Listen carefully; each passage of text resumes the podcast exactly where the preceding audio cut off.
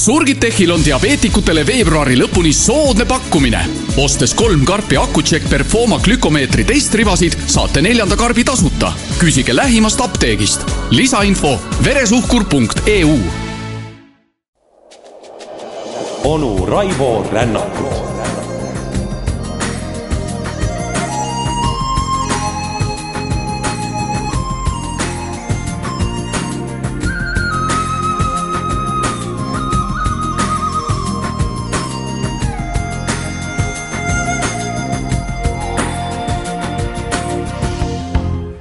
ja tere taas, head sõbrad!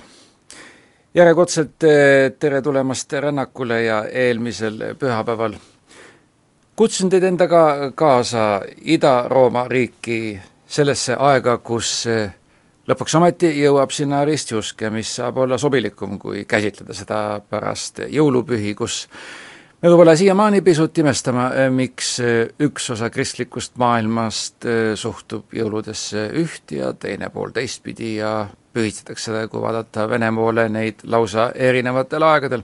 nõnda leidsimegi vastused eh, keiser Konstantinuse tegevusest ning jõudsime sisuliselt ka tema elukäigu lõpuni, kuid selleks, et pilt saaks olema täielikum, arvan ma, et enne, kui me läheme järgmise mehe elukäigu juurde, kellega me selle väikese Ida-Roome kaarega lõpetame vaataksime pisut veel kord, milles seisnes siis Konstantinuse pärandi tähtsus ning miks meie, kristlased, vaatame kõiki neid asju just nii ja mitte teisiti.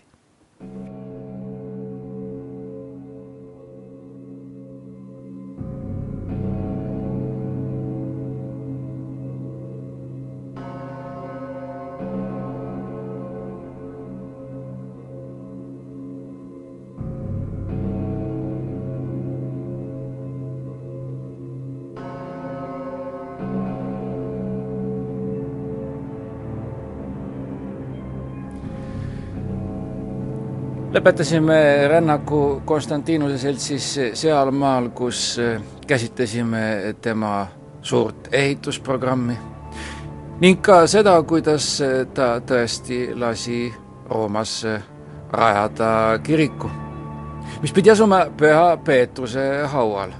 see aga oli nagu kõik matusepaigal linnast väljas tegelikult on äh, Vana-Rooma linnast väljas ka praegune Püha Peetruse katedraal, kui vaadata seda kas või Foorum Romanovi regioonist lähtudes. nii kohe üllatust, Konstantinuse aegsed kirikud meenutasid oma põhiplaanilt, ehkki juba siis hakkas äh, arenema basiilikate ehituse traditsioon ning seda põhiplaani me eelmine kord ka käsitlesime. Nad meenutasid üpriski tugevalt antiikset tsirkuseareeni tsirkus kui säärane hakkas minetama oma äh, tähtsust äh, võib-olla gladiaatorite võitluste vaatevinklist, kuid seda tugevamaks muutus see just nimelt hobuste võiduajamiste osas, kuid sellest juba õige pea lähemalt.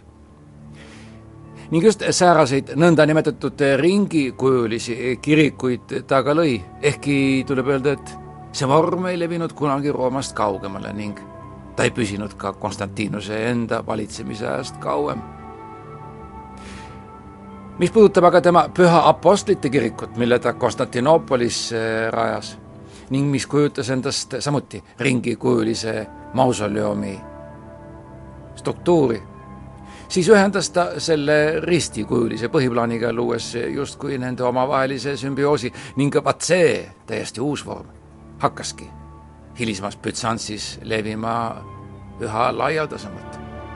ning kindlasti määriks äh, käsitlemist ka Konstantinuse ema, püha Helena pärand. pärand, mille üle spekuleeritakse ning arvatakse, et ei pruugigi vastata tõele. kõik see, mis ta avastas ja leidis oma palverännakul Kristuse hauale. kuid kui lähtuda sellest, et tõepoolest ta ikkagi seal käis ja ka püha risti leidis, siis käskis Konstantinus Jeruusalemma piiskopil Makariosel püstitada lausa suurejoonelise hoonete kompleksi, mis sarnanesid Rooma kirikutele just nimelt Kristuse matmispaiga peale. kirik avanes sisehoovi ning sealt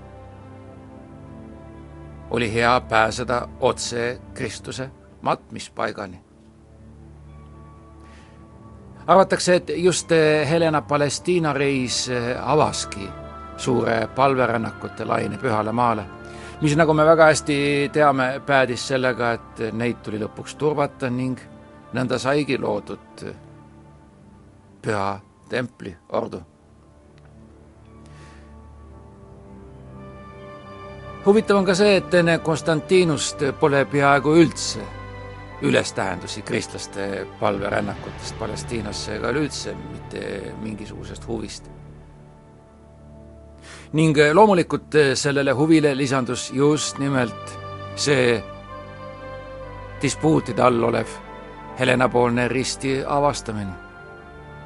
kuid tõendid viitavad tõesti kolmesaja viiekümnendatele aastatele ning see on just nimelt see aeg, kui Helena seal tõesti viibis. Ka tundis Konstantinuse hovi nii haldus- kui ka sõjaväeliste reformide vastu. mitte ükski impeerium ega enne teda ega ka pärast seda ei saanud rajaneda ilma sõjalise võimsuseta. nii paisutas ta oma keisriliku sõjaväe lausa neljasaja tuhande, isegi kuuesaja tuhande regulaarväelaseni. Ning seda oli rohkem kui kaks korda enam esimese sajandi armeest. ka tema kasutas nõndanimetatud mitte-Rooma sõdureid, keda värvati otse loomulikult barbarite seast. ning ka tema lõi selle tiksuva pommi mitte kõige lojaalsemate sõjaliste üksuste näol, mis talle, täpsemalt küll tema järeltulijatele ka kalliks maksma läks. Ning kui vaadata kõike praeguse aja kõige põletavamast aspektist ehk raha ja selle likviidsuse koha pealt, siis tegeles ta muide ka, uskuge või mitte, nii inflatsiooni kui ka raha devalveerimisega. ehk kolmesaja esimesel aastal andis ta välja hinnaedikti mis dikteeris lausa mitmed tuhande kauba ja teenuse piirhinnad. Suur unistus, kui eh, kuulata mm, lihtrahva esindajate mõtteavalduse selles suhtes, kas pole? ning tuleb öelda, et see inflatsiooniprobleemi lahendamine, küll palju vähem grandioosne, oli lõppkokkuvõttes vaata et tema kõige edukam reform nimelt kui Konstantinusel kolmesaja üheksandal aastal kullavarusid nappima hakkas, siis ta lihtsalt vähendas standardse kuldmündi ehk siis äh, ladina keeli aureuse kaalu umbes viie koma neljalt grammilt nelja koma viiele. ta nimetas rahaühiku umber äh, soliduseks.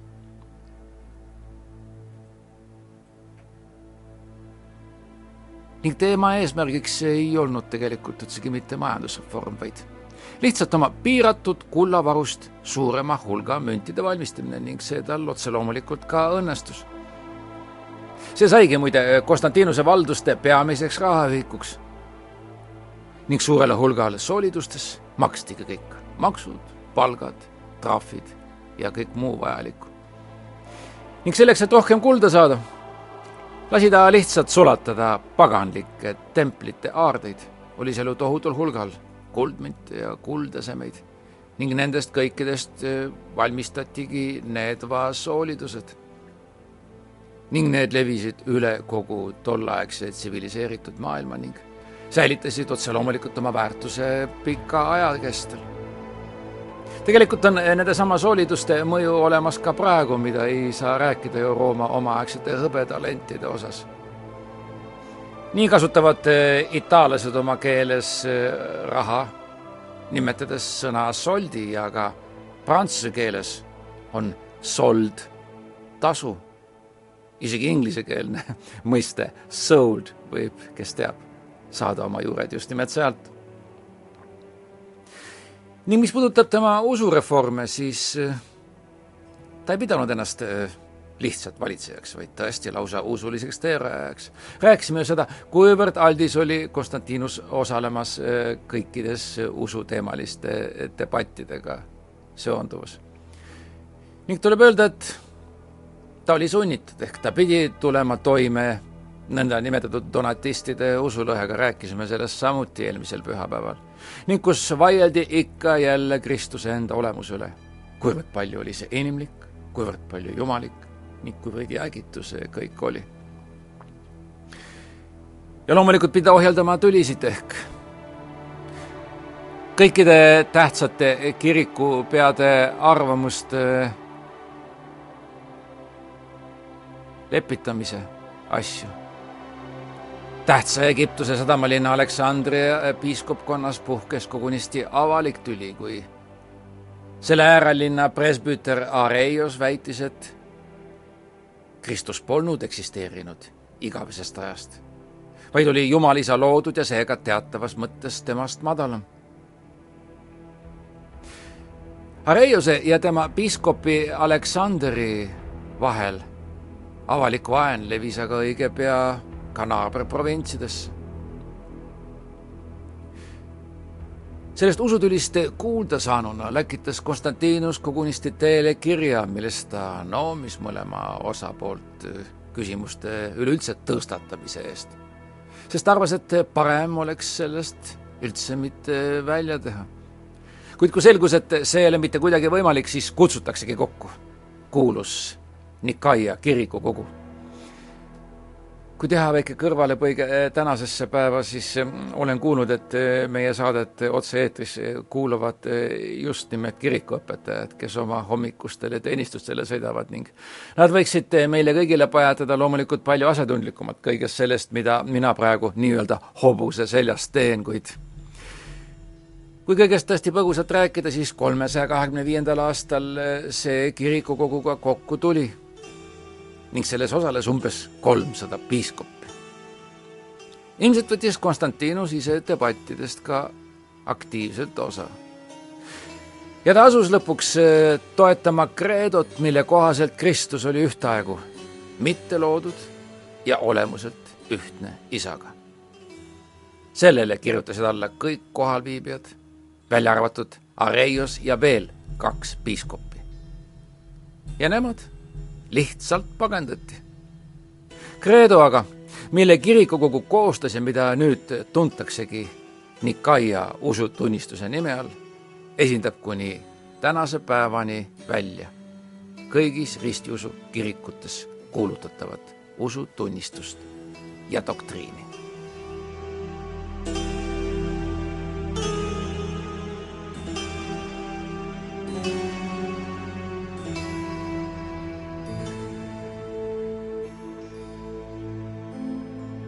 Ja nüüd ka üks paradoks. samuti rääkisime eelmisel pühapäeval, et Konstantinus võtab alles oma surivoodil kristluse ametlikult omaks. ning paradoks seisneb eh, selles, et eh, oma surivoodil võtab ta ristiusu vastu üldsegi mitte võib-olla kõige aktsepteerituma usulahu, vaid tõesti, tõesti Konstantinuse Nikomeedia ariaanlikult piiskopilt nimega Eusebius.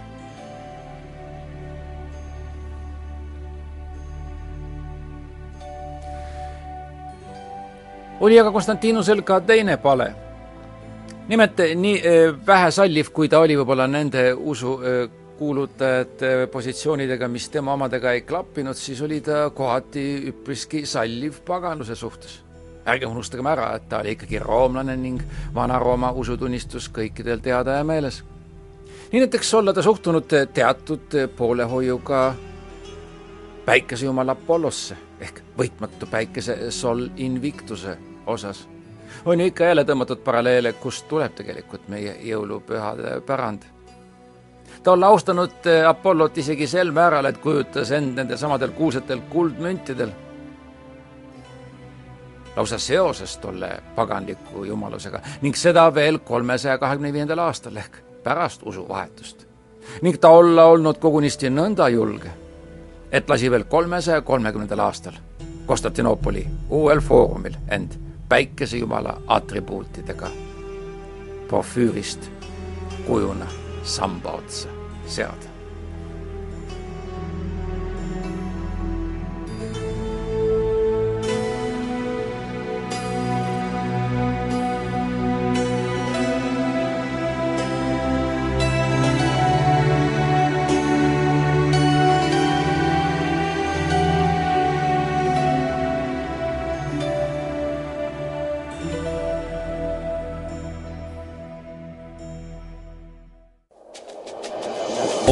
Onu Raivo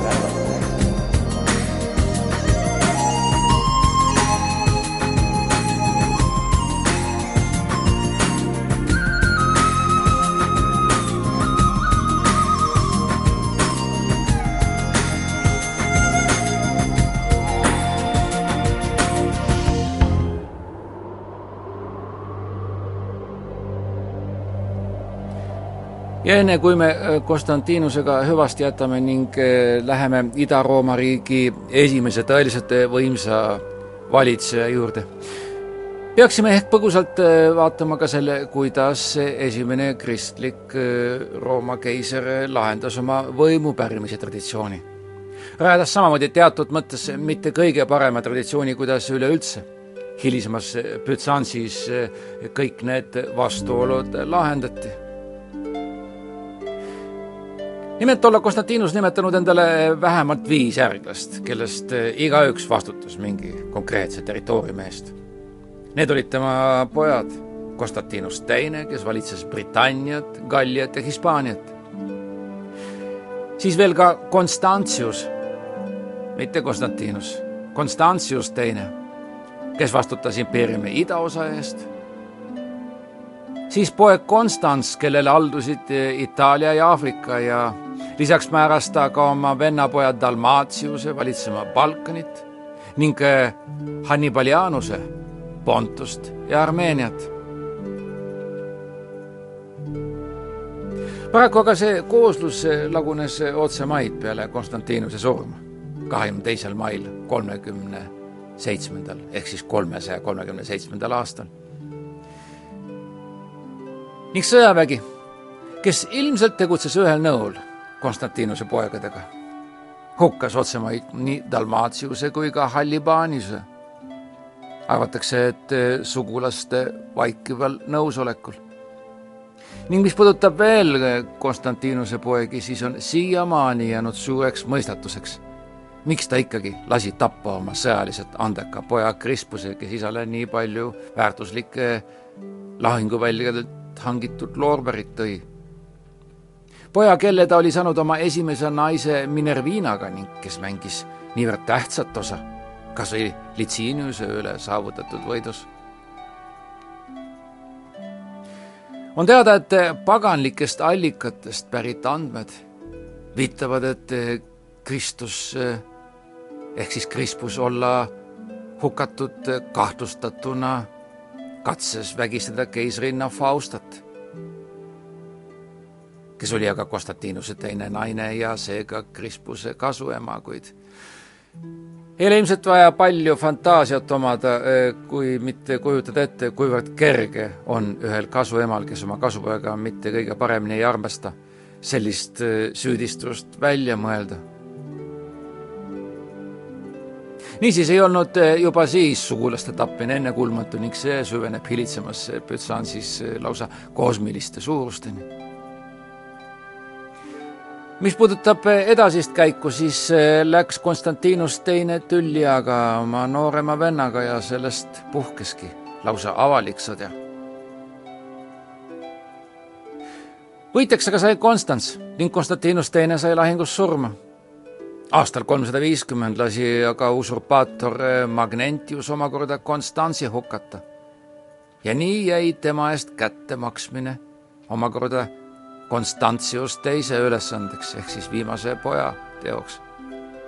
et aga sellega toime tulla, nimetas seesama mainitud Konstantius oma onupoja Galluse, kes oli siis üks kahest tapatalgutes ellujäänust Caesariks. kui aga Magnetius oli alistatud, käskis seesama Konstantius jällegi Galluse tappa ja tõstis Caesari seisusesse hoopiski oma poolvenna Julianuse, nii et tõeline tapmiste ja võimuvõitluste virvarr. kui aga see Julianus laskis end kolmesaja kuuekümnendal aastal omakorda Augustuseks kuulutada, siis valmistus taas kord Konstantius oma onupoja vastu sõda alustama ning selle puhkemise hoidis ära üksnes tema surm kolmesaja kuuekümne viiendal aastal. Julianus ise aga pidas vastu ainult kaks aastat, enne kui ta omakorda Pärsias peetud lahingus langes ning sellega ka Konstantinuse dünastiale lõpu tegi. vaat nii palju Konstantinuse pärandist, nii palju ka kaasaegset kõnepruuki kasutades trendidest, mis saavad vaata et domineerivateks Ida-Rooma edasise ajaloo lehekülgedel. kuid nüüd, sõbrad, keerame lehekülje ning vaadelgem, mida endast kujutas keiser, kes viis Ida-Rooma riigi ning hilisemalt ainsa Rooma riigi suure taassünnini ning tõesti, vaata et oma endiste päevade suuruse leidmiseni. sellest sõbrad aga juba mõne hetke pärast.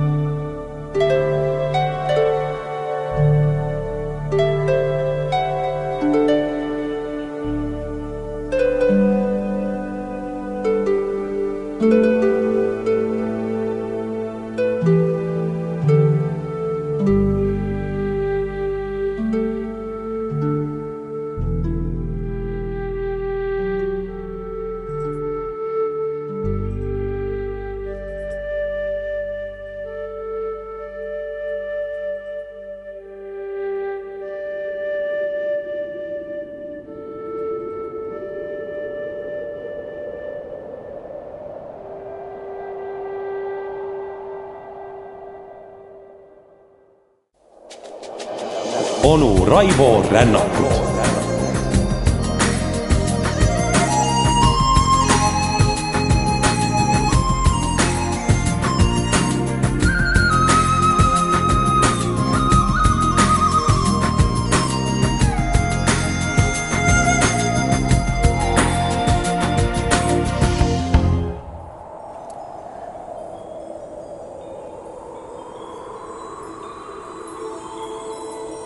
oli umbes aasta nelisada seitsekümmend, siis kui Konstantinoopolis valitses keiser Leo Esimene.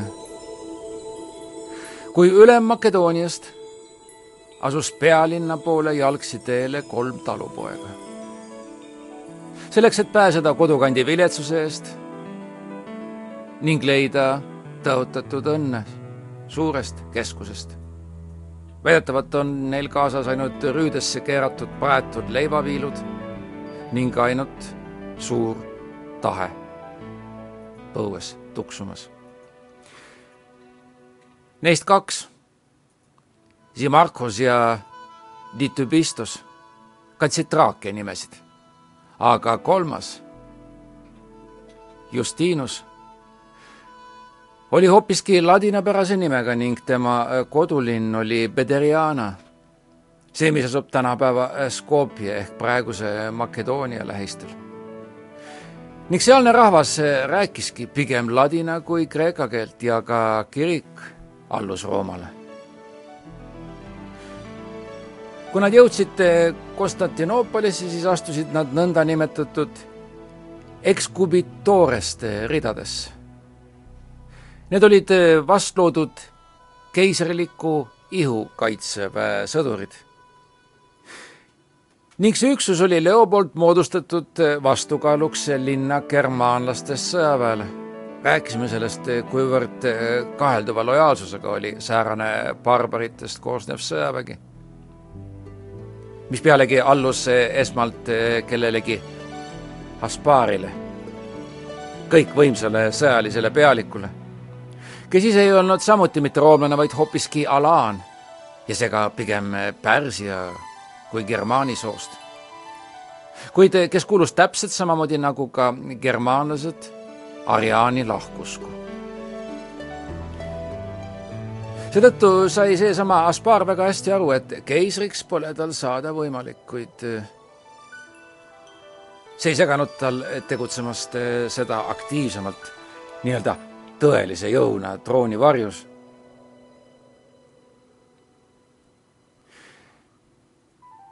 uut ihukaitset looma ajendas aga Leod just nimelt see, et varasemad säärased väeosad olid äh, muutumas pigem tseremoniaalseteks kui lahinguüksusteks ning äh, Leo tagi tahtis uutes näha just nimelt tõelisi lahinguvõimelisi võitlejaid.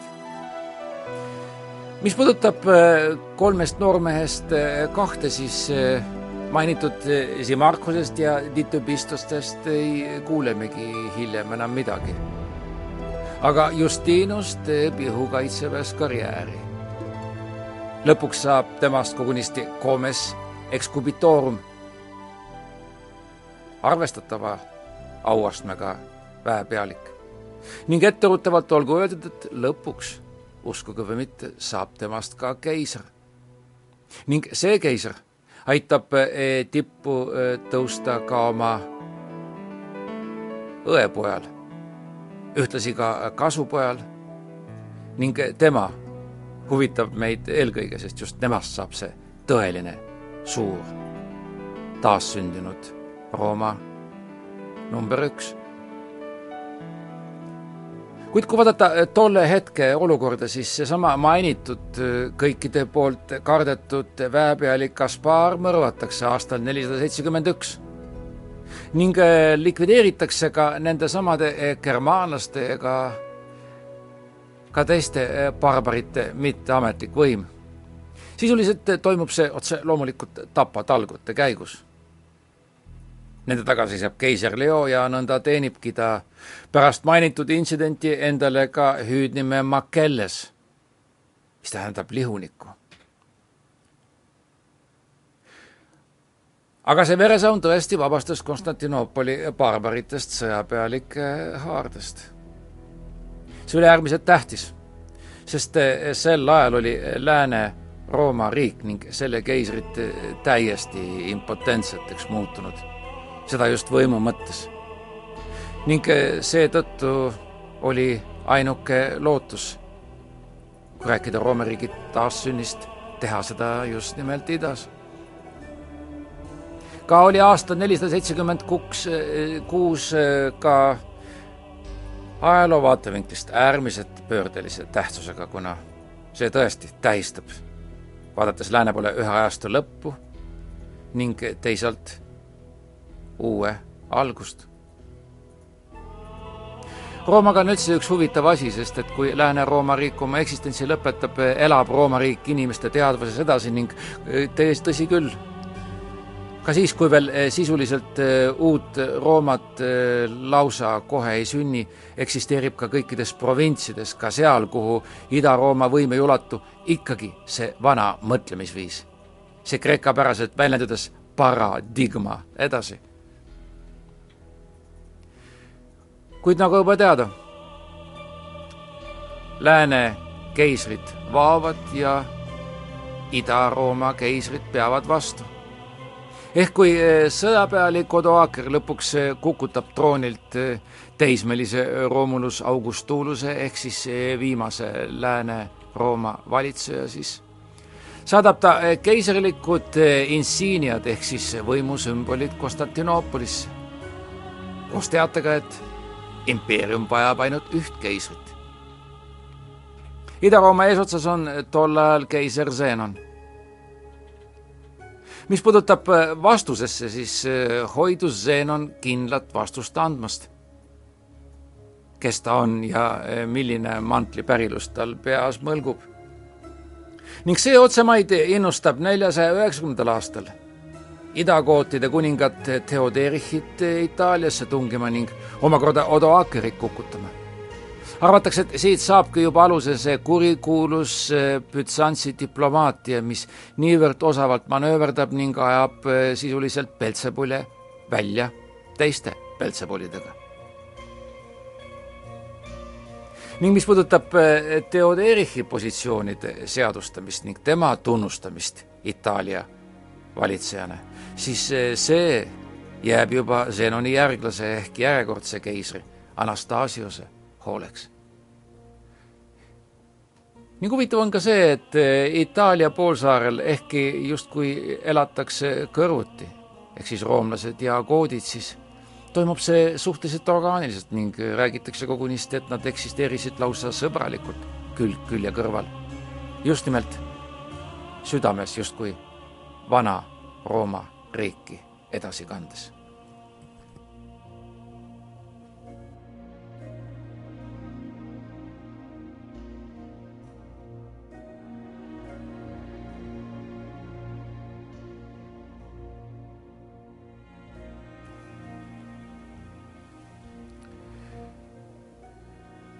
Itaalia roomlaste silmis oli nende seaduslik valitseja ikkagi edasi ainus järele jäänud, ehk siis Ida-Rooma keiser.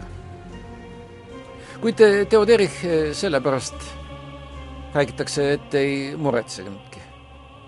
sest tema meelest oli Anastasios väärusuline ning see lihtsalt kahandas roomlaste truudust ning väärusulisest rääkides, siis äh, tähendas see taas järjekordset komistuskivi kristlike doktriinide tõlgendamisel. ning selleks äh, komistuskiviks sai äh, nõndanimetatud Kalhedoni kirikukogu, kus võeti neljasaja viiekümne esimesel aastal vastu nõndanimetatud Kalhedoni usutunnistus, mis aga järgis üpris täpselt paavst Leo Suure dogmat selle kohaselt oli Kristus kahe inimliku ja jumaliku, kuid eh, eraldiseisva loomusega. ning vaat see usutunnistus jõudis ohtlikult eh, ligidale veel ühe usukuulutaja Nestoriuse õpetusele, mis oli aga enamuse silmis ketserlus, kes õpetas, et Kristus oli üheaegselt täiuslikult jumalik ja täiuslikult inimlik. ainult et mõlemad aspektid jäid eraldatuks. teoloogiat mitte õppinud inimestele tõeliselt kaelamurdev ülesanne seda kõike mõista ja lahendada ning selle kallal tõesti päid murti. ning mis on tähtis, et Roomas kaitsti eh, Kahledoni kreedot äärmiselt visalt, isegi niivõrd visalt, et seda hakati seostama Rooma ülemvõimuga kui sellisega üleüldse. ja huvitav on ka see, et seda õpetust äh, lausa äh, põlati regioonis, mis ulatus Konstantinoopolist edasi Oriendi suunas ehk kuni Eufratini. seal oldi äärmiselt skeptilised kõige suhtes. iseäranis pange tähele Palestiinas ja ristiusk oli esmalt hellenistliku kultuuri ning hiljem Rooma poolt allutatud eh, mitte kreeklastele ja nende identiteedi tagasi andnud ja nende vastupanu Kahletoni usutunnistusele eh, varjatud separatistlike püüdluste kandja.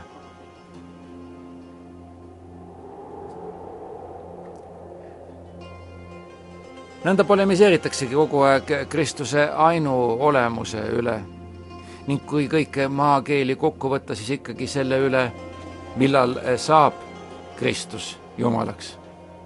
kas otsemaid sündides või üles tõustes.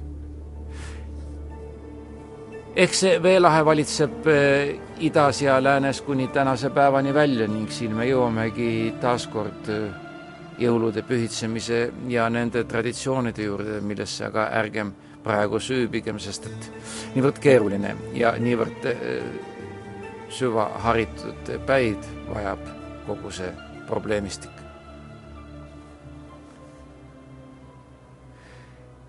kuid keiser Zenon oli üritanud tõesti leida mingisugust keskteed. ta andis välja kogunisti ühtsuse edikti, nõndanimetatud henootikoni enamikule nõndanimetatud miafüsiitidele oli see vastuvõetav, kuid äh, taaskord Rooma paavst Felix Kolmas mõistab edikti hukka. ja sellest sündinud nõndanimetatud Akakiuse kirikulõhe lõi Rooma ja Konstantinoopolise kirikud lahku. oli aasta nelisada kaheksakümmend neli ning nõnda olid nad lahus kuni keiser Justinuse võimule tulekuni. Ja Anastasius, kes toetas sedasama Henotikuni, pidi seetõttu tegutsema äärmiselt ettevaatlikult, sest nii Balkan kui ka kuninglik pealinn ise toetasid enamjaolt just sedasama Kalhedoni usutunnistust. asi läks kogunisti nii kaugele, et aastal viissada kaksteist oleks rahvasumm ta seetõttu peaaegu troonilt kihutanud. kui ta suures, siiamaani Istanbulis troonivas Hagia Sophia liturgiale kergelt Kalhedoni vastase nii-öelda lõppsõna ehk kooda lisas järgmisel aastal tõusis tema vastu üles ka Traakia barbaritest palgasõdurite ülem. ning see tahtis omakorda, et eh, ta ehk siis keiser alistuks paavsti kategoorilistele nõudmistele otsemaid. lõpuks saadi sellest väepealikust küll jagu, kuid Anastasiuse surma ajal varitses ta ikka veel väikest küüti ja koduprovintsis Donau suudmealal selleks, et uut võimalust otsida ja siis võimu vastu välja astuda.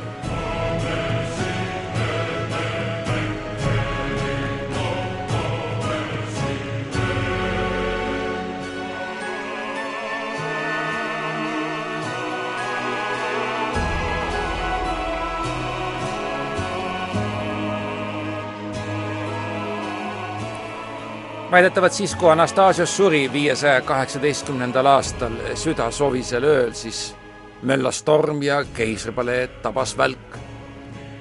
otse kui jumala sõrm ise oleks asjade kulgu sekkunud. otsemaid tulid järgmisel päeval kokku senat, patriarh ja kõrgemad valitsusametnikud ja otse loomulikult selleks, et järgmist keisrit valida.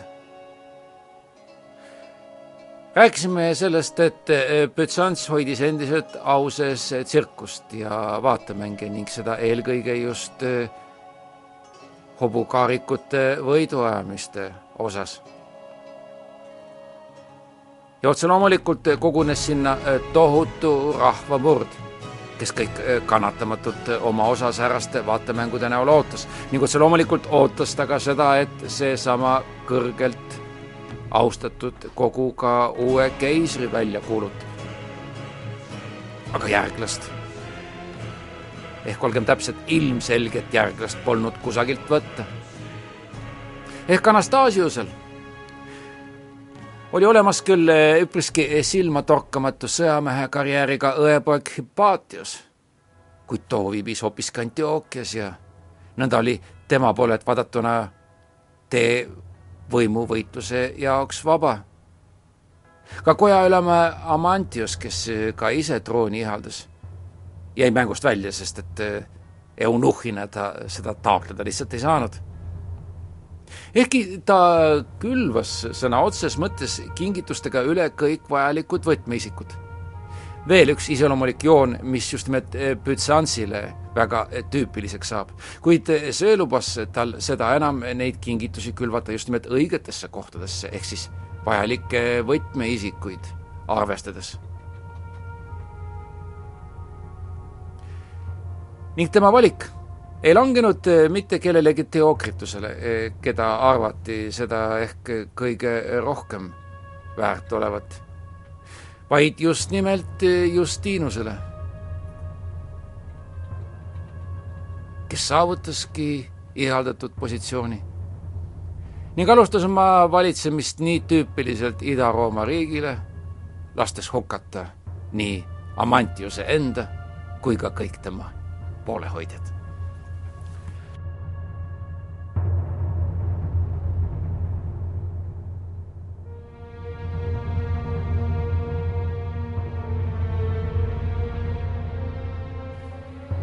ja nõnda ilmubki Justinus tol hetkel umbes kuuekümne viie aastasena sellel samal hipodroomil ehk katismal, nagu seda nimetati rahva hulga ette. ta kuulab ära tervituse nimega Justinus Augustus Tuvinchas, mis tähendab, et püha Justinus peab olema tervitatud. Ning Justinuse naine Lupicina, omaaegne orjatar kelle Justinus oli kunagi ostnud ning seejärel vabaks lastes ka naiseks võtnud. oli tol hetkel üldsegi mitte enam Lupicina, vaid hoopiski eh, kauni nimega Eufemia, mis otse loomulikult keisrinale palju kohasem. rääkimata sellest, et Lupicina oli äärmiselt levinud nimi lõbunaiste hulgast. järeldusi tehke ise see nimevalik oli veel ühes suhtes tähendusrikas, sest et äh, Kalhedoni usutunnistuse äh, vastu võtnud kirikukogu sel samal neljasaja viiekümne esimesel aastal, millest rääkisime, tuli kokku ei kusagil mujal kui Püha Eufeemia kirikus sealsamas Kalhedoni lähistel. ning mis puudutab abielupaari ehk siis Justinust ja Eufemiat, siis mõlemad olid kindlalt otsustanud sellele samale usulõhele lõpu teha sama otsusekindel oli ka Justinuse õepoeg Justinianus, kes oli sel hetkel alles nõndanimetatud kandidaatus ehk siis üks neljakümnest valges vormi rõivastuses sõdurist, kes kuulusid keisri saatjaskonda. aga Justinus kandis juba siis hoolt, et seesama noormees Justinianus ning ilmselt paljud kuulajad juba aimavad, kellegi tulevikus tegemist saab olema, saaks hea hariduse, millest ta isa oli kunagi pidanud ilma jääma. kümne päeva pärast tuli Konstantinoopolis kokku ka kiriklik sinod.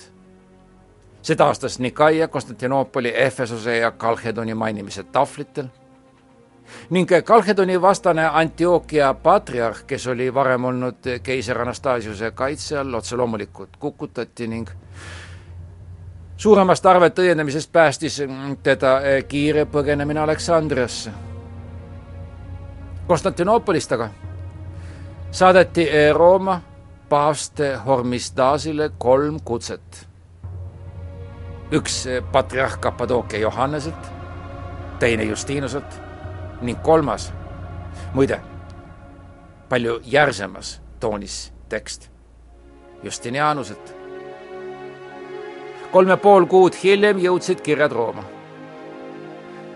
paavst ise aga loobus kohale tulemast, kuid ta saatis sinna oma esindajad, keda ta oli juhendanud.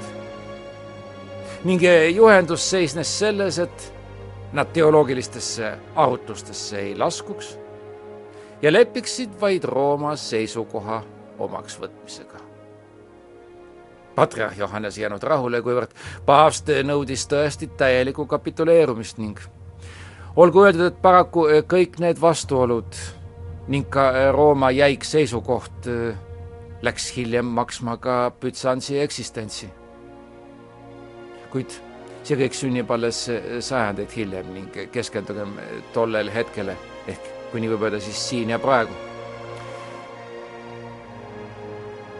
Justinus ja Eufeemia olid paraku selle ultimaatumiga nõus ning tundus, et nüüd kõik sillutab teega lõpuks suure leppimiseni ning kes teab, kuidas oleks siis Ida-Rooma riigi saatus läinud, kuid suurel neljapäeval, kahekümne kaheksandal märtsil, viiesaja üheksateistkümnendal aastal kirjutas Johannes Justinuse senati ja kõrgemate vaimulike silmade alla paavsti libellusele, millega Zenoni ja Akakiuse koostatud Henotikon tühiseks kuulutati. ja Justinus ei teadnud veel, et tema ja õepoeg Justinianuse katsed sellele asendust leida jäävad asjatuks. siin, head sõbrad, jätame me oma jutustuse pooleli ning kuidas asjad edasi lähevad, sellest juba kuulete te järgmisel pühapäeval.